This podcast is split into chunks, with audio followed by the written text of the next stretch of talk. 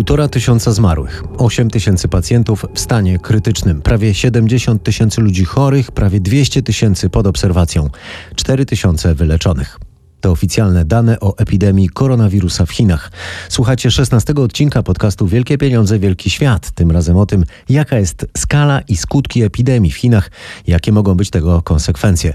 Spróbuję opisać, co może się dziać w Chinach. Mówię może, bo obraz przedstawiany przez kontrolowane przez partie media jest inny niż raporty nielicznych zachodnich dziennikarzy, którzy przebywają w państwie środka a do zupełnie innej diagnozy prowadzą niektóre relacje w mediach społecznościowych. Michał Zieliński, zapraszam.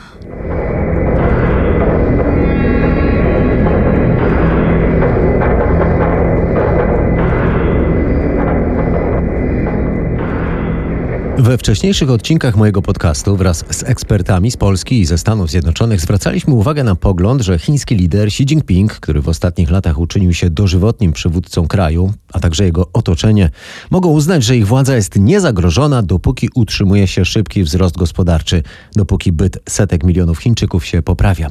Wedle tych poglądów obecny gwałtowny kryzys to zatem dla władców w Pekinie koszmar, który przemienia się w rzeczywistość. Pojawia się bowiem ryzyko osłabienia gospodarki, a na dodatek jeszcze wątpliwości wobec kompetencji władz. Państwowe media w Chinach powtarzają więc, jak ważna jest teraz karność, którą nazywają zaufaniem dla władz. Wbrew tej potrzebie Xi zniknął na wiele dni. Znalazł się dopiero teraz. Telewizja pokazała, jak rozmawia z mieszkańcami na ulicach Pekinu i pracownikami jednego ze szpitali. Będziemy walczyć dla ludu, musimy sobie ufać i wtedy zwyciężymy. Zaufanie. Wobec wspomnianych oficjalnych chińskich danych o rozmiarze epidemii pojawia się wiele wątpliwości i pojawia się coraz więcej sygnałów, że te wątpliwości mogą być uzasadnione. Po pierwsze, są relacje poważnych gazet i stacji telewizyjnych o ludziach w najmocniej dotkniętej epidemią prowincji Hubei, którzy twierdzą, że ich bliscy najpewniej zmarli z powodu nowego wirusa, ale w aktach zgonów wpisano ciężkie zapalenie płuc albo inne przyczyny. Po drugie, same chińskie władze w tym tygodniu zmieniły zasady liczenia ofiar i zarażonych, przyznając, że nie wszyscy są diagnozowani z pomocą testów na obecność wirusa. Po trzecie, grupa chińskich naukowców podała, że w kilku procentach przypadków testy wykazują obecność koronawirusa dopiero za którymś razem. Po czwarte, od lat pojawiają się na Zachodzie głosy, głównie wśród ekonomistów, że w prawdziwość danych podawanych przez chińskie władze można ogólnie wierzyć tak jak w to, że ktoś je skutecznie, niezależnie kontroluje. Zatem można przypuszczać, że tak naprawdę ofiar może być rzeczywiście więcej. Szczególnie, że w pierwszych dniach, nawet tygodniach po pojawieniu się niebezpieczeństwa władze o tym nie informowały, a nawet zastraszały ludzi, którzy próbowali wszcząć alarm.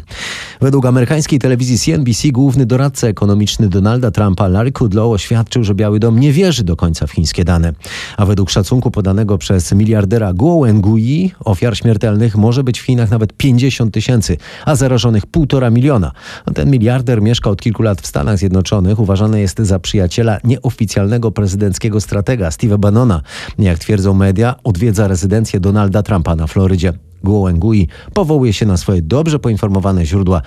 No I warto dodać, że jest ścigany przez władze w Chinach pod zarzutem korupcji.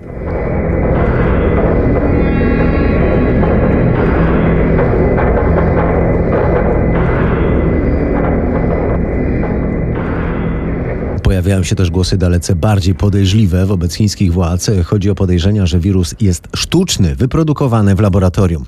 W Wuhanie od niedawna działa rzeczywiście laboratorium spełniające warunki najwyższych międzynarodowych standardów bezpieczeństwa, czyli takie, które może prowadzić najbardziej zaawansowane wirusologiczne badania.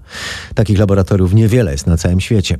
Kilka dni temu amerykański senator Tom Cotton, członek Komitetu do Spraw Wywiadu Wyższej Izby Amerykańskiego Parlamentu, zasugerował wprost, że ponieważ epidemia wybuchła właśnie w Wuhanie, wirus może być chińską bronią biologiczną. Poproszony o komentarz przez telewizję CBS, chiński ambasador w Stanach Zjednoczonych Cui Tiankai mówił, że takie podejrzenia mogą powodować panikę i nienawiść rasową, po czym dodał, że słyszał też inne plotki. Są tacy, którzy mówią, że ten wirus pochodzi z wojskowego laboratorium, ale poza Chinami, może w Stanach Zjednoczonych. Jak można wierzyć w takie szaleństwa? Pytał ambasador Chin w Stanach Cui Tiankai.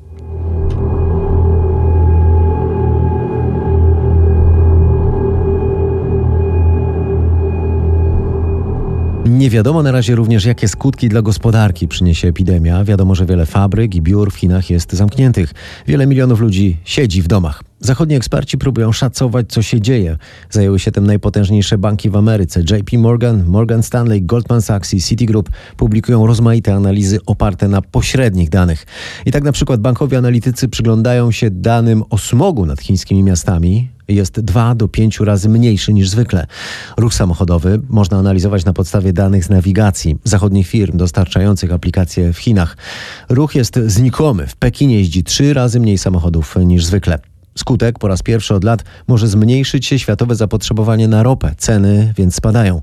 Odbiorcy skroplonego gazu w Chinach rezygnują z zamówień. Chińska gospodarka ma kłopoty. Będzie osłabienie inwestycji, tanieją surowce.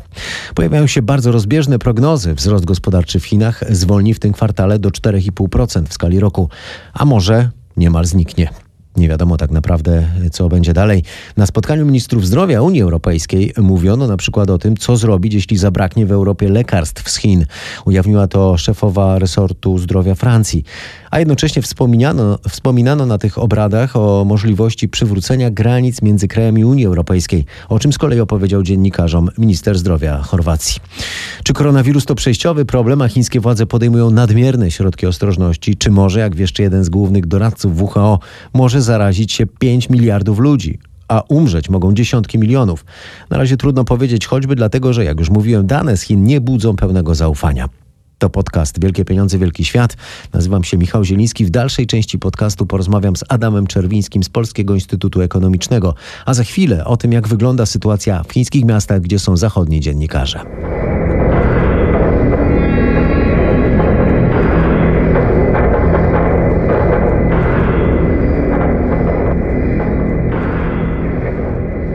Bohaterem wolności słowa w Chinach stał się lekarz z Wuhanu Li Wenliang, którego straszono karą za sianie plotek, kiedy alarmował, że w mieście pojawił się groźny wirus. Li sam zmarł, a według chińskich mediów wirusem zaraziło się już 2000 lekarzy.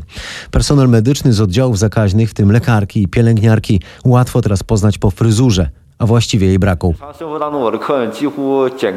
Zwykle golenia głowy na zero nie życzy sobie nawet jeden na stu moich klientów, a przez te dwa dni ścinam cały czas na łyso. Pytam każdego i każdą z nich, czy są pewni.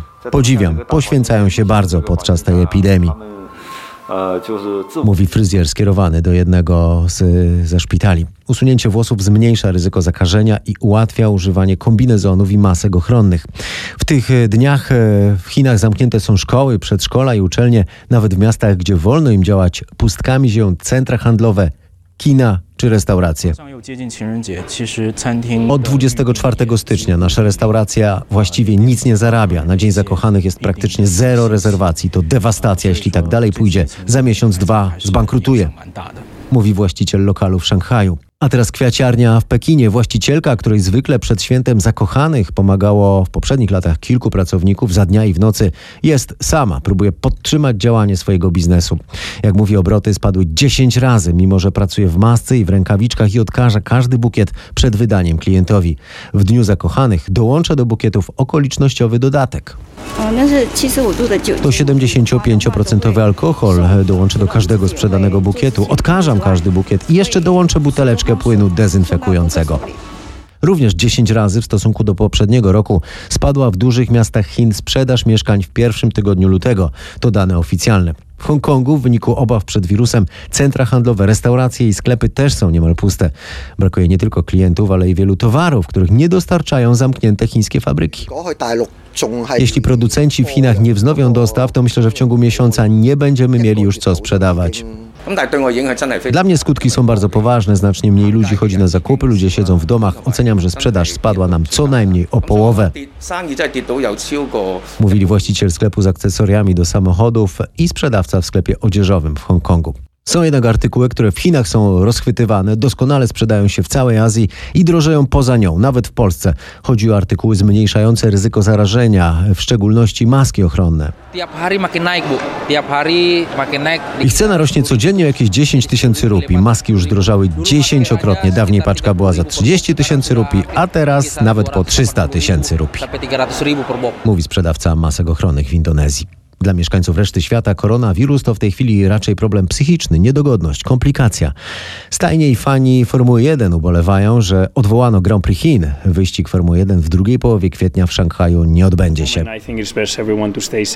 Myślę, że teraz lepiej zadbać o bezpieczeństwo. Wyścig może poczekać. Trzeba zachować spokój. Formuła 1 nie jest najważniejszą rzeczą na świecie. Ważniejsze jest zdrowie i bezpieczeństwo. Poczekajmy, aż cała ta sprawa się wyjaśni.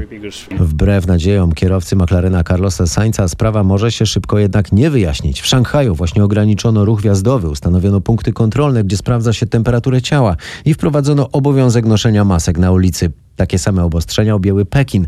Te dwa największe miasta Chin, gdzie mieszka więcej ludzi niż w Polsce, dołączyły do kilkudziesięciu innych. Mniej lub bardziej ostrymi rygorami objętych jest nawet kilkaset milionów ludzi. Strach przed wirusem sprawił, że odwołuje się też imprezy poza Chinami, takie jak targi technologiczne Mobile World w Barcelonie. To ogromna impreza i brak odbije się na całej hiszpańskiej gospodarce. Zwykle najpierw zarabialiśmy przez trzy tygodnie na pracownikach, którzy budowali ekspozycję, potem przez tydzień na uczestnikach targów, a potem jeszcze na pracownikach, którzy wszystko rozmontowywali mówi właściciel restauracji w Barcelonie. Na targach i tak nie byłoby pewnie wielu chińskich wystawców, którzy w ostatnich latach zdominowali przecież technotargi na całym świecie. Chiny nagle znalazły się znów za murem. Odwołano wiele tysięcy lotów, kilkadziesiąt linii lotniczych świata, w tym największe jak American, Delta, British, Emirates, Lufthansa, KLM, Air France, nie latają do Chin. Niektóre linie utrzymują połączenia tylko do Pekinu. Z Chin można się było wydostać przez kilka dni lotem. W końcu polskie linie lotnicze też poszły śladem innych i zawiesiły loty do państwa środka W Polsce nie ma żadnego stwierdzonego przypadku zarażenia.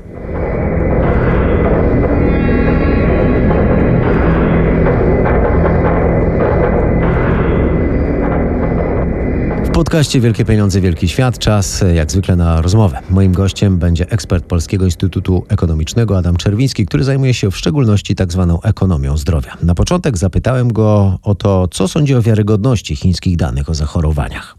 Mamy parę dni temu E, wylądowały na miejscu ekipa z WHO i można liczyć na to, że informacje, które będą do nas spływać, będą coraz bardziej rzetelne właśnie, właśnie z tego względu, że będzie jakaś mm, międzynarodowa organizacja trochę czuwać nad tym, co tam się dzieje. Zawsze jest tak, że nawet w zaawansowanych, e, powiedzmy gospodarczo krajach, w krajach z wolną prasą, w krajach no powiedzmy europejskich, północnoamerykańskich, występuje pewne niedoraportowanie chorób, nawet jeżeli to są choroby, które wszyscy znamy, które wiemy jak leczyć. Nie wiem, na przykład nowotwory. Mamy, na pewno mamy niedoraportowanie nowotworów na przykład w Polsce, co wynika z tego, że po prostu ludzie um, umierają na nowotwory, starsi ludzie, im się nie przeprowadza e, w sekcji i oni są kwalifikowani e, jako osoby zmarłe z innych powodów, e, z innych powodów niż nowotwory, bo te nowotwory nigdy nie zostały wykryte i tak dalej. E, I ja sobie wyobrażam, że w tym chaosie, który tam się musi dziać, mamy, musi być pewne nieraportowanie, które wynika po prostu e, z tego, jak sytuacja wygląda, a nie z żadnej złej woli, chęci zatajenia, chęci pokazania lepszej twarzy światu. Po prostu na przykład e, dużo lżejsze przypadki mogą być nieraportowane.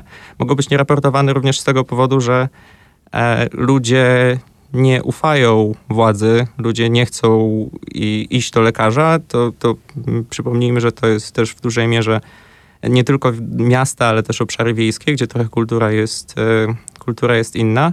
I z tego względu również możemy mieć duże niedoraportowanie. Zresztą Chińczycy sami o tym wiedzą, wydaje się, bo jak się spojrzy na to, co do nas przecieka z propagandy chińskiej, e, to bardzo skupiają się na tym właśnie, żeby ludzie zgłaszali każde objawy, które mają. Wręcz e, w niektórych, e, nie wiem czy można temu wierzyć do końca, czy nie, w niektórych wiejskich obszarach e, informacje były podawane w stylu, że jeżeli nie zgłaszasz objawów, to jesteś klasowym wrogiem ludu. Więc oni na pewno też zdają sobie sprawę z tego, że sami nie wiedzą, ile tych przypadków tak naprawdę jest. Mhm. A potem to przechodzi przez propagandowe sito i dociera do nas i w tym momencie jest to już bardzo ciężko ocenić. Tą całą historię porównuje się coraz śmielej do Czernobyla. Na pewno ze względu na spóźnioną reakcję władz, na to, co się działo na początku i nawet na tą pierwotną próbę ukrycia tego, co się dzieje. Mm, ale też ze względu na rozmiary. Czy to porównanie e, Pana zdaniem jest e, właściwe? Czy to coś e, jednak nieporównywalnego do Czernobylu, a może coś poważniejszego tak naprawdę, tylko w dłuższej perspektywie czasowej? E, jeśli chodzi o reakcję władz, to wydaje mi się, że to jest idealne porównanie. Jeśli chodzi o skalę, to naprawdę ciężko, ciężko w tym momencie oceniać, bo to też statystyki, mam, mamy już kilkadziesiąt lat po katastrofie w Czarnobylu, a do tej pory statystyki, nie wiem, na przykład zgonów czy, czy zachorowań są E, od sasa do lasa tak naprawdę, w zależności kto tam co chce przedstawić. No bo też nie było wiarygodnych danych możliwe, źródłowych, że, prawda? Możliwe, że też tak w końcu będzie. Natomiast jeżeli chodzi o samą reakcję władz, to jest to bardzo trafne porównanie moim zdaniem, bo z jednej strony mamy rzeczywiście na samym początku um, próbę ukrycia, która zapewne um, w jakiś sposób wpłynęła też na to, że, że reakcja była potem późniejsza, więc i w jakiś sposób ten wirus się bardziej rozprzestrzenił, to na pewno z punktu widzenia jakiegoś zdrowia publicznego nie było dobre zachowanie. To też jest ciekawe, bo państwo chińskie zrobiło dokładnie to samo po, ponad 15 lat temu, jak mieliśmy epidemię SARS. To, to, to, jest dokładnie ta sama droga. Wydaje się, że powinni się już nauczyć, jak reagować na, na, na, na, tego typu zdarzenia, bo to, bo to przecież nie jest po pierwsze, nie, nie jest pierwszy raz. Była też świńska grypa, na którą również zareagowali z opóźnieniem i to samo było w Czarnobylu, więc to porównanie wydaje mi się bardzo dobre pod tym względem, ale również pod względem tego, że jeżeli w momencie, kiedy już informacja wyszła, jak szybko, bezpośrednio i wręcz brutalnie zareagowali, to jest coś, co mi się wydaje e, byłoby niemożliwe, mhm. E, aż tak brutalna reakcja. Przecież to jest kilkadziesiąt Tak, że tu władza ludzi. autorytarna ma jednak tak, możliwość tak, skuteczniejszego ludzi. powstrzymywania takiego zagrożenia zamkniętych, e, w, mhm. w kwarantannowanych miastach i, i, i, w obszarach objętych kwarantanną, to jest sytuacja w ogóle bez precedensu. No tam właściwie jest więcej, myślę, bo to sam Pekin i Szanghaj, które są częściowo obie, objęte tą, część, tą częściową e, kwarantanną, to już jest 40 parę milionów ludzi, więc tam się mówi nawet o 300 milionach, czy ponad 300 milionach ludzi. No to, to pewnie zależy, zależy jak liczyć. No tak, bo, bo są ścisłe bo te zakazy albo częściowo. Tak. tej kwarantanny. Mhm. Natomiast e, no to jest sytuacja bez precedensu. Nie mieliśmy, mieliśmy jakieś tam epidemie różnego rodzaju, które też się w mediach i, i w umysłach ludzkich e, gdzieś tam były dość, e, dość straszne, natomiast z, taką reakcją jeszcze się nigdy nie spotkaliśmy. SARS, świńska grypa, ptasia grypa, Ebola, to wszystko były straszne historie, natomiast takiej reakcji nigdy nie obserwowaliśmy. To też jest ciekawe, bo mamy chyba po raz pierwszy w historii szansę zaobserwować i nauczyć się też, jak należy sobie radzić e, z takimi epidemiami, bo to, że one będą występować, no to możemy się spodziewać, e, spodziewać, że będą. No właśnie, świat jest coraz bardziej powiązany ze sobą, ludzie są coraz bardziej e, mobilni. Być może powinniśmy się przy, przyzwyczaić do tego, że takie sytuacje będą się powtarzać, ale ja jeszcze chciałem zapytać o to, Oczywiście to znowu będzie gdybanie o to, jak Pana zdaniem może w dłuższej perspektywie wpłynąć ta cała historia na relacje pomiędzy chińską władzą i społeczeństwem. Po śmierci lekarza z Wuhan, którego wcześniej ścigała policja na samym początku, pod zarzutem siania plotek w chińskim internecie, podczas gdy on później e, z pełnym poświęceniem ratował chorych i sam zmarł e, w wyniku zarażenia koronawirusa. W chińskim internecie nawet, który jest, no powiedzmy, skażony strachem, pojawiła się fala krytyki wobec rządu.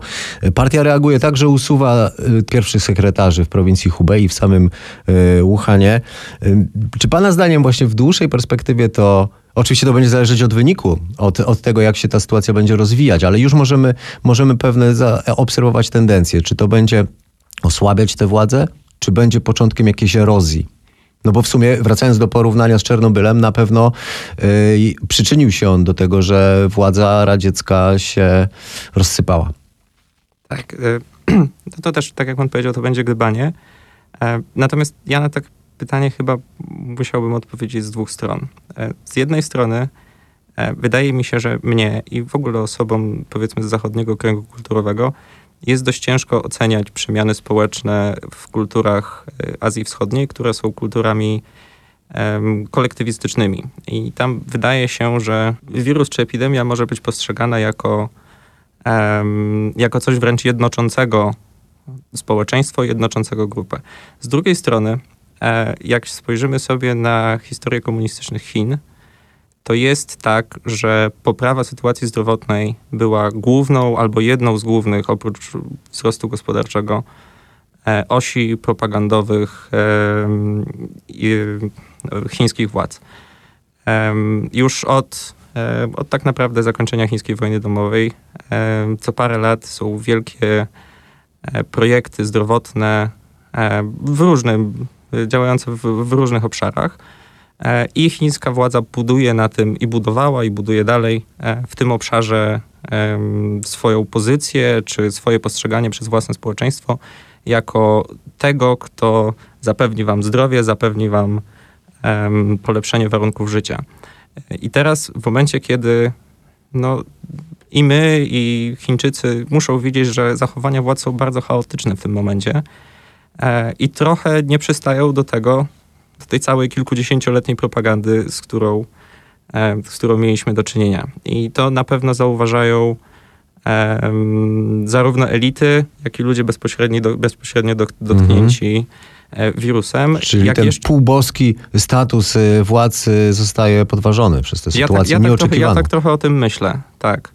E, I jeżeli spojrzymy na to, że chińskie władze w ostatnim czasie zaliczają trochę może potknięć, mieliśmy wojnę handlową ze Stanami, teraz jest Hongkong, co jednak mimo ograniczonych informacji, te, te informacje na pewno do do Chin właściwych e, przepływają. E, spotkałem się z, z opiniami, że, że, to, że mm, ta epidemia będzie pewnym katalizatorem przemian w Chinach.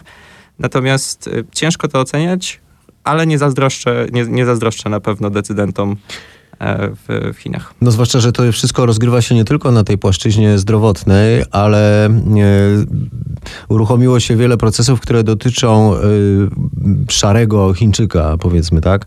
Mamy potężny cios dla produkcji, dla, dla edukacji no i no tak, możemy się spodziewać, że te wskaźniki, które są tam fetyszami, y, wskaźniki rozwoju gospodarczego, mimo solennych zapewnień władz, padających prawie codziennie zapewnień, y, no będą nie do utrzymania, prawda? A, a jest wielu takich analityków, którzy twierdzą, że że poważniejszy spadek e, wzrostu gospodarczego e, w Chinach e, sprawi, że ten lud przyzwyczajony do bardzo szybkiego wzrostu, szybko poprawiającej się stopy życiowej, przestanie być taki pokorny. Z pewnością tym bardziej, że um, chińska gospodarka, no, ładnie pan określił, że to, jest, że to jest fetysz wskaźników makroekonomicznych, bo rzeczywiście tak jest i one są napędzane um, sztucznie zresztą przez, przez państwowe inwestycje, które, które nic nie znaczą i tak jakby e, dla człowieka, e, dla takiego postronnego człowieka. Natomiast oznacza to, że jest na przykład praca. A teraz w momencie, kiedy te inwestycje, jeżeli dalej będzie to postępować, te inwestycje będą musiały spowolnić albo wręcz się zastopować, żeby można było przesunąć środki na walkę z koronawirusem. Bodajże obecnie 10 e, miliardów dolarów to nie jest może duża kwota w, e, w perspektywie gospodarki chińskiej, natomiast jeżeli e, problem będzie postępował, a tak jak rozmawialiśmy, te ostatnie wzrosty w oficjalnych statystykach wskazują, że może tak być, bo już się wydawało trochę, że, że epidemia przegasa, że już ten naj, najwyższy punkt zachorowań, jak się patrzyło na dane historyczne, najwyższy punkt zachorowań już został osiągnięty. Zresztą nawet chińskie władze zaczynały ogłaszać, że już mniej więcej, że, że, że już najgorsze za nami, że i, i, i jakieś modele epidemiologiczne wskazywały, że w kwietniu już wszystko powinno być za nami. Teraz mamy ten wzrost, który dodaje, dodaje tej kolejnej niepewności. No wracając do, do tego, co mówiłem, ta praca gdzieś zniknie.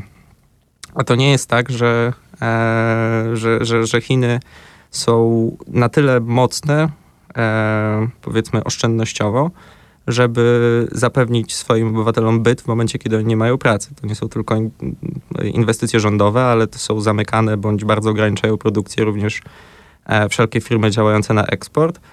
E, I rzeczywiście może się tak skończyć, że e, bardzo wielu Chińczyków, nawet niedotkniętych bezpośrednio wirusem, ekonomicznie mocno na tym straci. No właśnie, bo e, mimo, że mimo że od kilku lat y, gospodarka chińska no, stopniowo przestawia się na wewnętrzną konsumpcję, to wciąż jest to fabryka świata i to znacząca część wielu łańcuchów y, dostaw. W związku z tym chciałem zapytać tak troszkę wyjść szerzej poza Chiny i jak pan y, przypuszcza, y, cały ten kryzys się przedłuży. Już teraz widać, że spadają ceny ropy. Chiński, chińscy importerzy odwołują, powołując się na siłę wyższą, kontrakty na import gazu i tutaj też te ceny gazy spadają. Jak możemy, y, jakich możemy się zmian na rynkach w dłuższym okresie, na rynkach światowych spodziewać i jaki to może mieć wpływ na Polskę?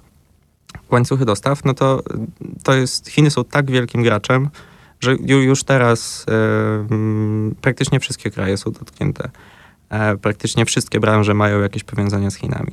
Najbardziej na pewno największym problemem jest to dla krajów bezpośredniej bliskości geograficznej Chin, czyli e, Japonia, Korea, Filipiny, Półwysep Indochiński, Tajwan.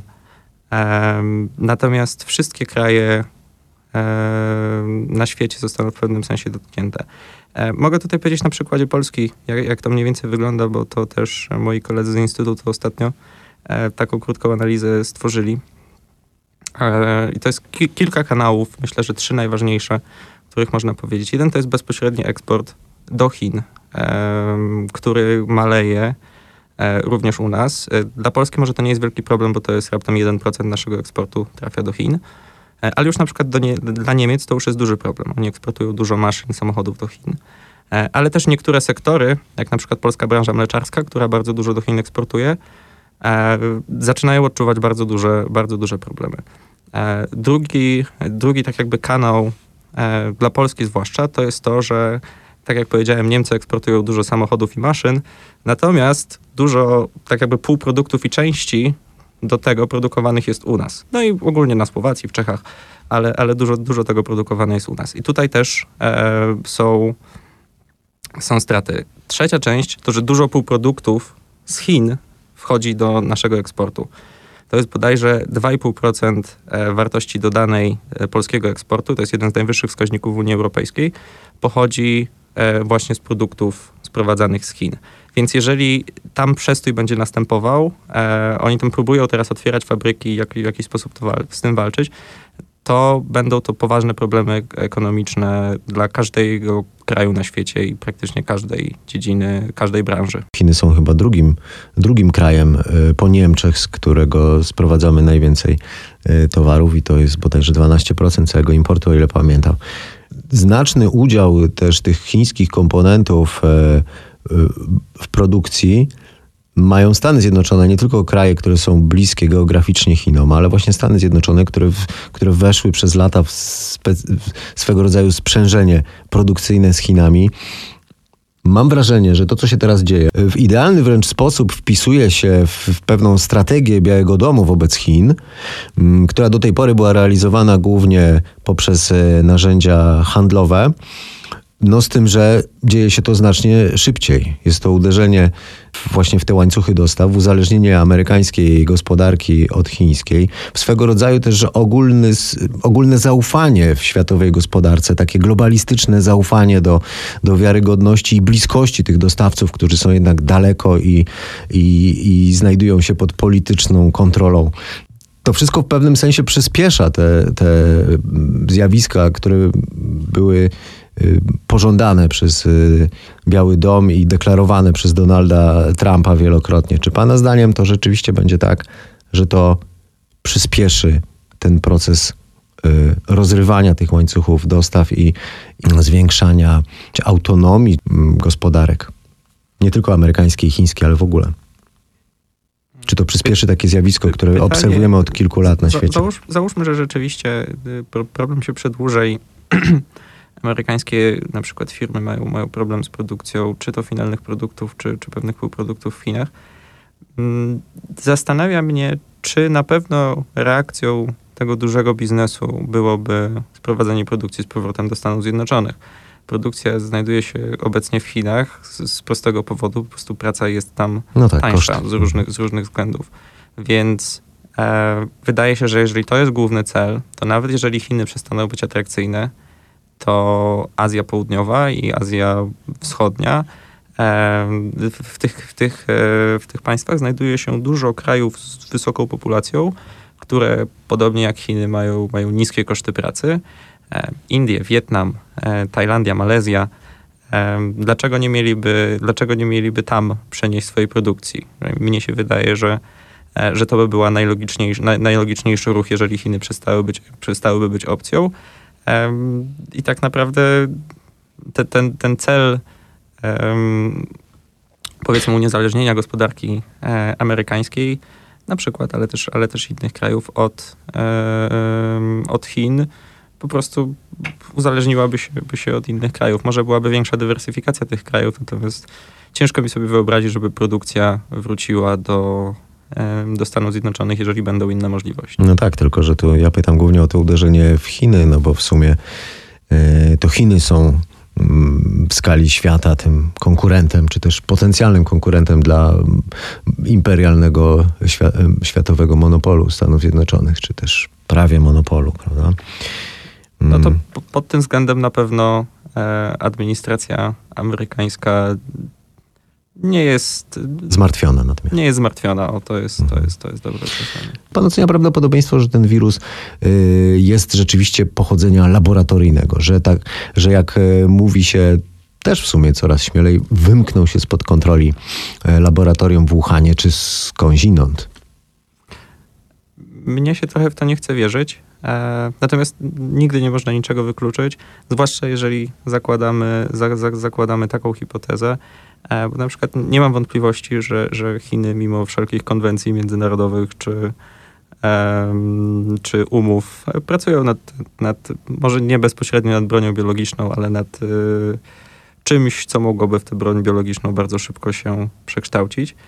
Natomiast jak patrzymy na obecną epidemię, to ona pod względem pochodzenia bardzo przypomina właśnie SARS z, 2000, roku 2002 czy, czy 2003 i te informacje są stosunkowo spójne.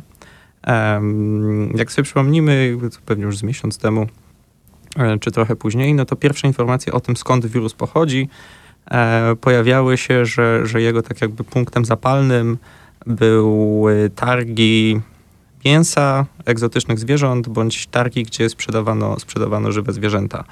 E, potem parę tygodni później pojawi, zaczęły się pojawiać pierwsze badania e, nad,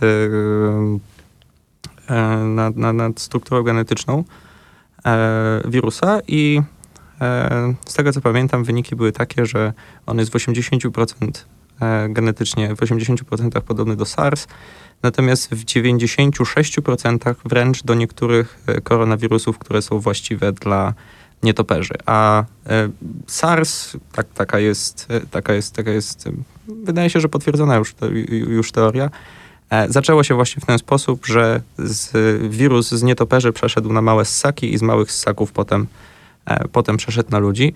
Więc patrząc tak chronologicznie, wydaje się, wydaje się to spójne z tym, co już żeśmy wcześniej zaobserwowali oraz z, pewnymi z, z pewną sekwencją informacji, która się pojawiała o tym, skąd ten wirus pochodzi. E, I przynajmniej dla, dla mnie to jest, to jest, e, to jest logiczne, że, że tutaj mamy do czynienia z tym samym pochodzeniem wirusa. oczywiście trochę inny wirus, trochę inne mutacje, natomiast z tym samym pochodzeniem pierwotnym, czyli odzwierzęcym. E, od nietoperzy przez małe ssaki do, do ludzi. Mhm. Tak sobie myślę, że to nie wiadomo, czy to właściwie się należy cieszyć z tego, co pan teraz mówi, czy, czy martwić, bo to oznacza, że możemy mieć takich wirusów e, za chwilę jeszcze cały komplet. Czy, jeśli, to, to prawda, to też, nie jest przypadek, to, to, też nie jest przypadek, że E, większość epidemii, e, które wybuchają, to wybuchają właśnie w Azji i w Chinach. Chiny to jest państwo, które bardzo lubi pokazywać się jako e, mocarstwo gospodarcze, ale też państwo, w którym zaczyna się dobrze żyć. Natomiast dalej prowincje chińskie to jest, są kraje bardzo biedne, to, jest, to, to są obszary bardzo biedne, to jest bardzo słaba jakość opieki zdrowotnej to jest e, słabe, słabe standardy higieny, słaba dostępność do czystej wody, jak przecież przez internet to, to, to na pewno, na pewno ludzie widzieli, przejawi, prze, e, właśnie w momencie, kiedy, kiedy te informacje o, o tym, że e, ten wirus może pochodzić właśnie z, z któregoś z tych targów, zaczęły się pojawiać zdjęcia e, tego, jak te targi wyglądają. I to jest rzeczywiście mięso nieznanych zwierząt leżące nie w lodówkach, tylko gdzieś na stołach wyłożone. No tak, w miskach wnętrzności, noże tak, niemyte, deski gdzieś na jakichś plastikowych pudłach. Tak. Siedzące mhm. dwa metry od, od tego mięsa. I to też jest, jest pewna kwestia właśnie zaawansowania, powiedzmy, sanitarnego. To też nie jest na przykład przypadek, że praktycznie wszystkie zgony, poza bodajże tam kilkoma w Hongkongu i na Filipinach, tak, e, wydarzyły się w Chinach. Wszystkie przypadki, przypadki, które są stwierdzane w innych krajach, w jakiś sposób są e, bardzo szybko E, tam zgonów nie mamy i to, mhm. jest, to jest kwestia nie wiem, odżywiania, kwestia sanit, właśnie e, standardów sanitarnych, kwestia zaawansowania opieki zdrowotnej. No nawet w Azji się pojawiły takie memy dotyczące, wyśmiewające powiedzmy tą tradycję e, dietetyczną, kulinarno-higieniczną chińską, w których mowa jest o tym, że Chińczyk zjada wszystko, co ma cztery nogi oprócz stołu oraz wszystko, co lata oprócz samolotu. My, my tu w Polsce jemy bardzo nieliczne gatunki, ograniczamy nasze menu do nielicznych gatunków zwierząt, no i e, też te standardy higieniczne są jednak inne. W końcu jesteśmy w Unii Europejskiej. Ale tu mi przychodzi na myśl niedawno wypowiedź głównego inspektora sanitarnego, który na pytanie o to, czy Polska e, służba zdrowia jest przygotowana na tego rodzaju zagrożenie, e, odpowiedział, że Owszem, w Europie służba zdrowia stoi na zupełnie innym poziomie niż, mm, niż w Chinach, więc tak, jesteśmy dobrze przygotowani. I to wzbudziło trochę mój niepokój, taki na początku nie do końca uświadomiony, no bo pomyślałem sobie, że polska służba zdrowia niekoniecznie działa w tym samym standardzie, co nie wiem, w Holandii czy we Francji. Jak Pana zdaniem, w ogóle powinniśmy pewnie od tego pytania zacząć tę rozmowę, jak Pana zdaniem e, polska służba zdrowia e, jest przygotowana właśnie na tego rodzaju zagrożenie? E, ciężko mi powiedzieć, bo też to nie są informacje, nie, pracuję, nie pracuję w tych strukturach, więc to są informacje, które mo, mogę bazować tylko na tym, co, co do nas dociera. Ale zna pan jakieś e, dane e... chociażby, prawda? Jakieś liczby dotyczące tego, ile jest oddziałów zakaźnych, ile jest łóżek, ile mamy, nie wiem, jaki jest dostęp do tego rodzaju sprzętu, jak sprzętu, jak kombinezony, czy maski, czy... Wydaje mi się, że jeżeli był, jeżeli to byłoby kilka przypadków, to mamy możliwość e, izolacji e, w szpitalach właśnie na przykład zakaźnych. E, natomiast jeżeli sytuacja zaczęłaby się robić zła, to, to, to mielibyśmy problem. Ale myślę, że wtedy ka każdy, miałby, ka każdy miałby problem i też myślę, że akurat my jest, stoimy na takiej na takiej pozycji, że my byśmy się wcześniej dowiedzieli, że zaraz będziemy mieli problem, niż byśmy mieli problem. W odróżnieniu od powiedzmy państw europejskich, które rzeczywiście te kontakty na przykład z Chinami mają dużo bardziej rozwinięte, Niemcy, Francja e, czy kraje Beneluxu. To za, zakładam, że zaczęłoby się, e, jeżeli rzeczywiście miałaby wybuchać epidemia w Europie, to zaczęłoby się u nich i my mhm. mielibyśmy jeszcze Czas. dni, mhm. ty, ty, tygodnie na przygotowanie się, ciężko, ciężko to ocenić. No, ja, jako, jakoś w ten sposób chyba muszę odpowiedzieć, bo bardzo ciężko mi stwierdzić na przykład, ile jesteśmy bezproblemowo w stanie przypadków e, wyizolować i ile jesteśmy bezproblemowo w stanie przypadków przebadać. Um, byliśmy, na pewno te, te, informacje, które, które gdzieś do nas docierały, o, o, było ich na tyle dużo o osobach, które wracały z Chin i, i miały, z, zderzały się na oddziałach ratunkowych e, z pewnym niezrozumieniem, było dużo, co wskazuje, wskazuje na to, że przynajmniej wtedy e, no, te oddziały nie były na to przygotowane i nie, nie, byliśmy przygotowani na to, żeby na przykład od razu badać i, e, i przeprowadzać kwarantannę ludzi, którzy, którzy z Chin wracają. Na szczęście to się przynajmniej e, póki co na nic nie przełożyło i miejmy nadzieję, że tam w odpowiednich instytucjach praca wre nad przygotowaniem się na ten konkretny problem. Pozostaje zatem zakładać, że wre, no i że epidemia rozejdzie się po kościach. Chociaż nie wiem, czy to akurat e, właściwe określenie. O tym, że epidemia koronawirusa z Chin szybko się może skończyć, mówił ostatnio prezydent Stanów Zjednoczonych Donald Trump. Dużo ludzi uważa, że to się skończy w kwietniu, kiedy się zrobi cieplej. Zwykle to się kończy w kwietniu. Chiny się rozłożyły, to wszystko w 16 i być może ostatnim odcinku podcastu Wielkie Pieniądze, Wielki Świat. Zachęcam do sięgnięcia do poprzednich, no i pozdrawiam.